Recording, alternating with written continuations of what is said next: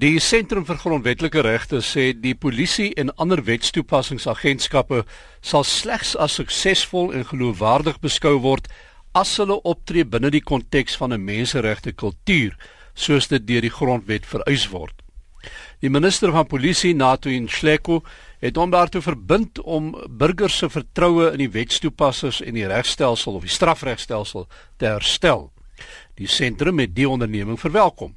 Nou, ons praat met die direkteur van die Sentrum vir Grondwetlike Regte, die advokaat Johan Kreur, Johan Moore. Môre Kobus. En met professor Rudolf Zin van Unisa se departement polisiekunde. Rudolf Moore. Goeiemôre Kobus. Johan, die die verbintenis is daar, maar uh, kom ons kyk net voordat ons kyk na wat dit alles gaan behels en vereis. Skets vir ons die probleem waar agter hierdie die die agtergrond waartoe hierdie ding afspeel. Kobus in, in terme van ons grondwet uh, moet ons veiligheidsdienste insluitend die die die polisie diens, Suid-Afrikaanse polisie diens optree binne 'n bepaalde mandaat. Enerzijds om om hulle werk te doen soos vereis deur die grondwet, maar anderzijds om om binne 'n konteks van menseregte kultuur hierdie werk te doen en om hulle lede te leer wat dit is om binne so 'n handves van regte te funksioneer.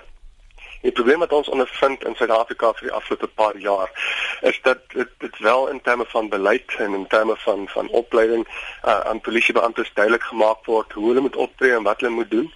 Maar ons sien ongelukkig die teendeel in die werklikheid. Ons ons sien gevalle soos Marikana gevalle soos Andries Tetani.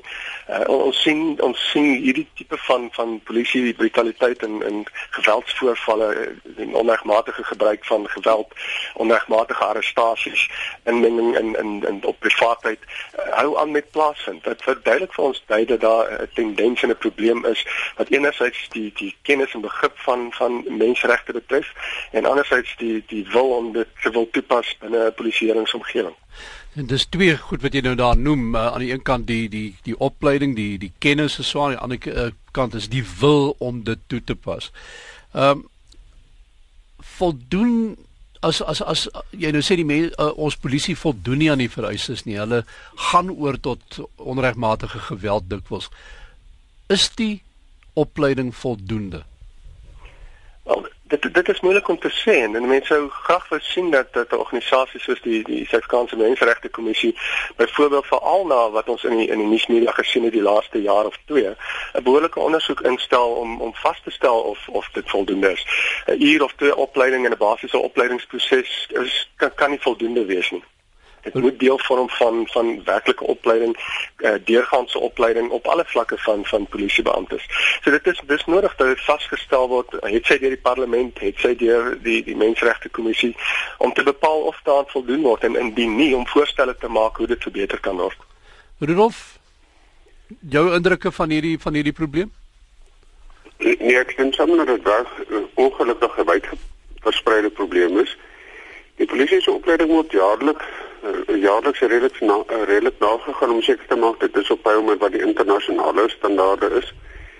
Ek dink die grootste kapasiteit vir die polisie die polisie ondervind is kapasiteit. Ehm um, hoeveel mense op beslag kan oplei? Dit is omtrent so 3500 4000 per jaar. En dan mens praat van amper 155000 polisiebeamptes wat dan opgelei moet word of heropgelei moet word. En ek dink dis waar die knoop lê. En ook die die opleiding self Die materiaal is miskien wel daarin op pyl, maar dit lyk vir my die manier van opleiding is 'n probleem en dit dring nie werklik deur sodat dit 'n verskil maak in die polisiebeampte se gedrag nie. En ek dink dis waar mense moet inisiatief in die dag lê en kyk na beter metodes en dan beter opvolgmetodes om seker te maak hulle pas dit wel toe. Is die militarisme wat uh, baie keer gekritiseer word van die polisie is dit deel van die probleem dink julle?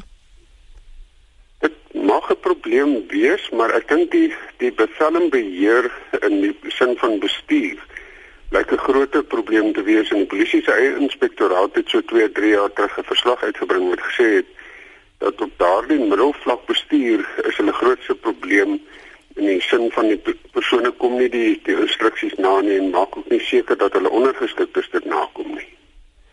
Die omstandighede waaronder hulle werk ook uh, Johan en en Rudolf uh, hulle werk onder gevaarlike omstandighede. Ek kan myself indink dat dit half 'n fyn lyn is wat hierdie ou moet trap. Uh in uh, in terme van die tipe optrede wat wat geregverdig word in 'n bepaalde omstandigheid. Uh, absoluut en 'n mens moet dit in ag neem. En ek moet ek, ek moet dadelik by sê daar daar's etlike en veelvoudige goeie polisiebeamptes daar buite wat wat absoluut professioneel en toegewyd hulle werk binne 'n menseregte konteks doen en wat verstaan wat die waarde is van so 'n menseregte konteks op polisieering. Daar's ongelukkig ook die die beamptes wat ehm um, wat eenvoudig dit dit ignoreer en en glo omdat hulle op 'n bepaalde manier optree en hê van die hand het hulle kan maak soos hulle wil. Staats genoeg uh, wat wat internasionale studies en sluit uh, etlike studies van die VN bewys het, is dit waar polisie dienste binne 'n menseregte konteks optree. Dit beteken nie hulle kan nie hulle werk doen nie, inteendeel hulle werk word beter gedoen. Dit het gevolg dat jy suksesvolle um, vervolging het. Dit het gevolg dat jy die die gesindheid van die samelewing wen. Dit het gevolg dat jy slagoffers van van misdaad beter behandel. Dit beteken nie die polisie kan nie kan nie met die die nodige mag optree wat wat hulle moet moet gebruik in sekere omstandighede maar dit gaan oor die bepaalde kultuur oor hoe jy jou werk doen en en oor hoe bevel uitgeoefen word oor die polisie. En dit het niks met die uh, met, met die effektiwiteit van die diens te doen nie dit niks te doen met hoe die polisie sê sy werk kan en moet doen nie maar dit dit gaan oor die gesindheid binne 'n konteks van 'n menseregte kultuur wat wat blyk te kort geskied in die polisie diens. Is dit die is dit die boodskap wat van die kommissarisse byvoorbeeld oor die afgelope jare deurgekom het deel van die probleem want ek, ons het ook al mense gesien kommissarisse en selfs ministers wat vir die ouens gesê het man maak dood, skiet, uh, doen al hierdie goed. Ehm uh, en en uh, mense het die gevoel gekry dat uh, hardhandige gewelddadige optrede onder amper alle omstandighede al goed gepraat word.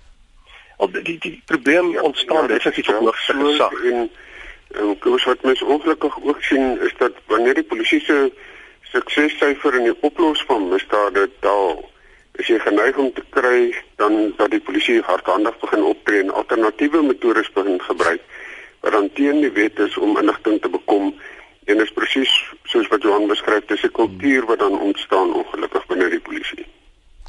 Is daai politieke wil ook daarso dat hierdie ding moet verander? Ons nou die minister gehoor, uh, maar jy weet minister sê goed omdat dit van hulle verwag word dikwels.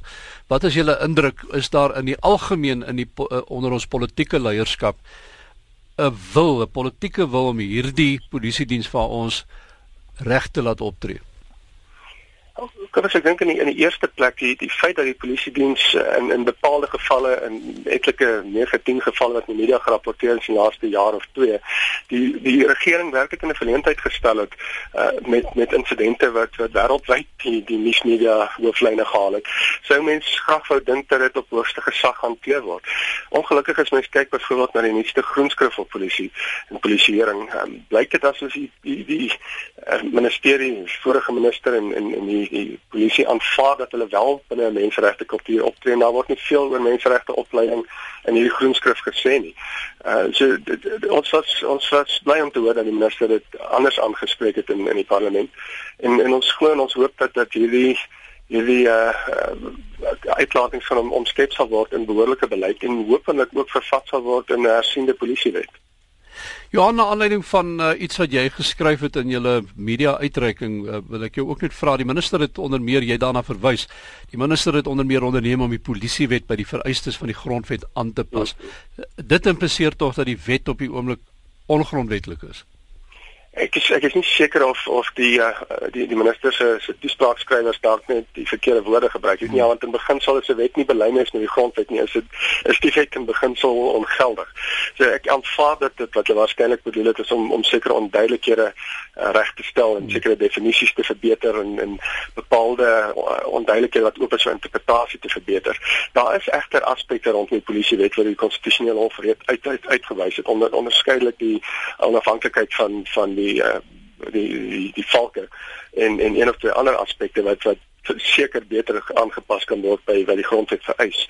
Maar wat wat kortskiet op hierdie stadium is definitief die verpligting wat die grondwet plaas op al die veiligheidsdienste om hulle lede op te lei en te van hulle te vereis om in terme van 'n menseregte kultuur die grondwet en die wet op te tree wat wat nie duidelik in die polisiewet na vore kom nie. En, en dit is wat ons aangespreek het en, en gevra het dat die wanneer die wet hersien word die die, die, die polisie die geleentheid gebruik om ook seker te maak dat 'n menseregte opleiding die vereiste om in terme van 'n menseregte kultuur op te tree duidelik in die wet vervat word sodat dit dat dit 'n uh, wetgewende vereiste is om nie net opleiding uh, toe te sien dat opleiding plaasvind nie, maar ook toe te sien in terme van die wet dat dat polisiebeamptes in operasionele beplanning en operasionele uitvoering van van pligte en en veral in in die die gedeeltes waar dit moeilik is vir die publiek om te sien wat aan te gaan in polisie misdaad inligting en en dis meer dat dit behoorlik vervat is in wetgewing om seker te maak dat dat dit binne 'n konteks van ons handves van regte plaasvind.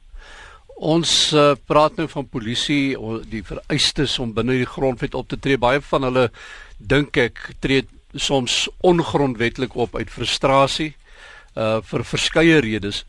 Uh een van die goed wat vir my opval, uh, ons het vanoggend 'n SMS vraagie aan ons luisteraars gevra oor 'n ander saak oor kindermolestering, kindermishandeling. Ehm um, en wat 'n mens opval is dat elke keer wanneer 'n mens so iets doen, is die terugvoer wat jy kry, mense, die meerderheid mense sê, maar die polisie, die polisie, die polisie. Word daar nie in baie gevalle te veel verwag nie, waar die gemeenskap baie keer eintlik die verantwoordelikheid moet dra vir sekere goed word van die polisie verwag om daar ook al die werk te doen. Dit is dit iets wat bydra tot tot frustrasie by die polisie en buiteordelike optrede? Ek dink dis belangrik te begin so wat jy daar aanspreek, maar dit gaan meer oor misdaadvoorkoming.